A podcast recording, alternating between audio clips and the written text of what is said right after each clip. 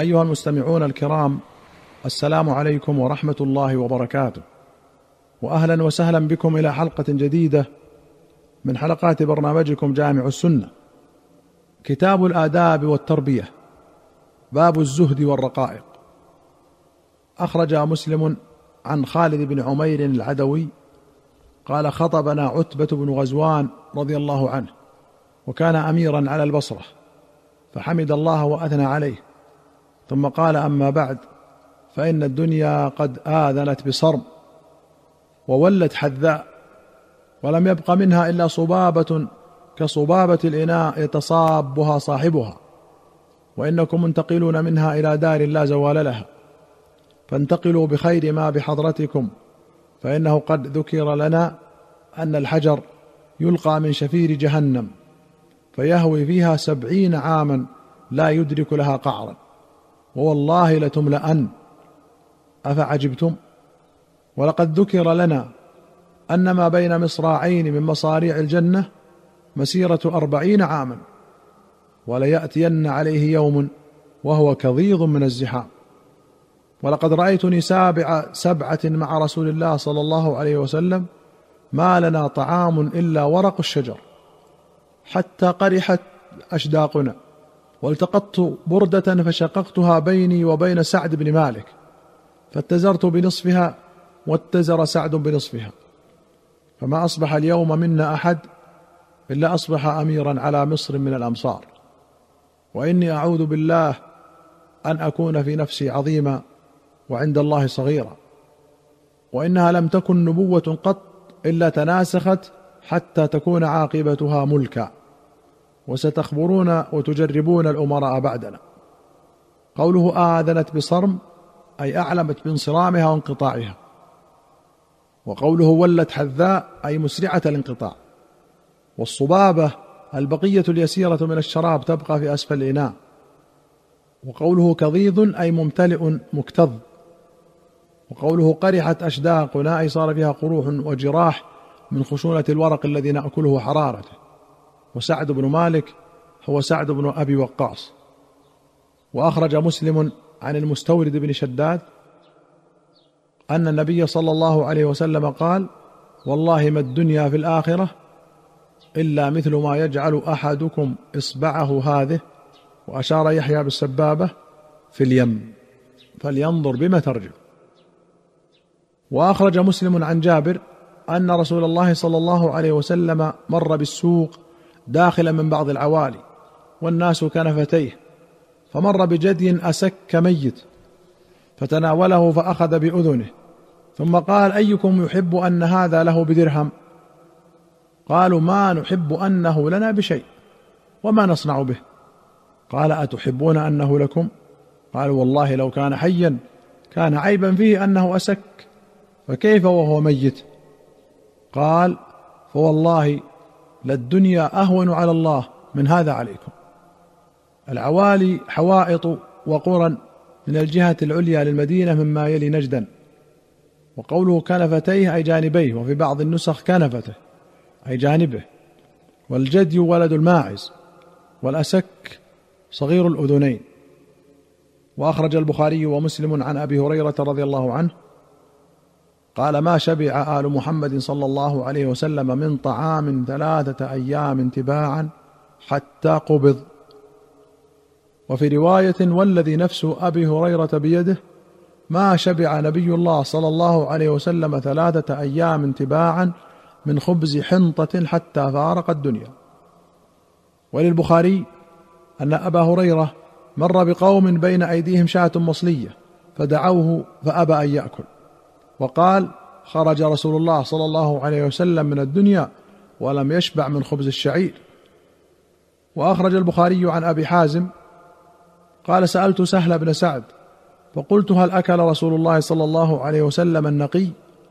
فقال سهل ما رأى رسول الله صلى الله عليه وسلم النقي من حين ابتعثه الله حتى قبضه الله. فقلت هل كانت لكم في عهد رسول الله صلى الله عليه وسلم مناخل؟ قال ما رأى رسول الله صلى الله عليه وسلم منخلا من حين ابتعثه الله حتى قبضه الله. قلت كيف كنتم تأكلون الشعير غير منخول؟ قال كنا نطحنه وننفخه فيطير منه ما طار وما بقي ثريناه فأكلناه. النقي خبز الدقيق الحوارة وهو النظيف الأبيض المنخول مرة بعد مرة حتى صار نقيا. وقوله ثريناه أي بللناه بالماء وعجناه ثم خبزناه فأكلناه. ومنه الثرى وهو التراب المبتل بالماء. وأخرج مسلم عن جابر قال سرنا مع رسول الله صلى الله عليه وسلم. وكان قوت كل رجل منا في كل يوم تمرة. فكان يمصها ثم يصرها في ثوبه. وكنا نختبط بقسينا ونأكل حتى قرحت أشداقنا. فاقسم أخطئها رجل منا يوما فانطلقنا به ننعشه فشهدنا له أنه لم يعطها فأعطيها فقام فأخذها. قوله نختبط أي نضرب الشجر ليتحات ورقها فنأكله. وقسينا هي أقواسهم. وأخطئها أي لم يعطوه تمرته نسيانا. وقوله ننعشه أي نشد جانبه ونشهد له أو نقيمه ونرفعه من شدة ضعفه. وأخرج البخاري عن عائشة قالت لما فتحت خيبر قلنا الآن نشبع من التمر. وفي رواية عن ابن عمر قال ما شبعنا حتى فتحنا خيبر. وأخرج مسلم عن أبي هريرة رضي الله عنه. قال خرج رسول الله صلى الله عليه وسلم ذات يوم أو ليلة فإذا هو بأبي بكر وعمر. فقال ما أخرجكما من بيوتكما هذه الساعة؟ قال الجوع يا رسول الله.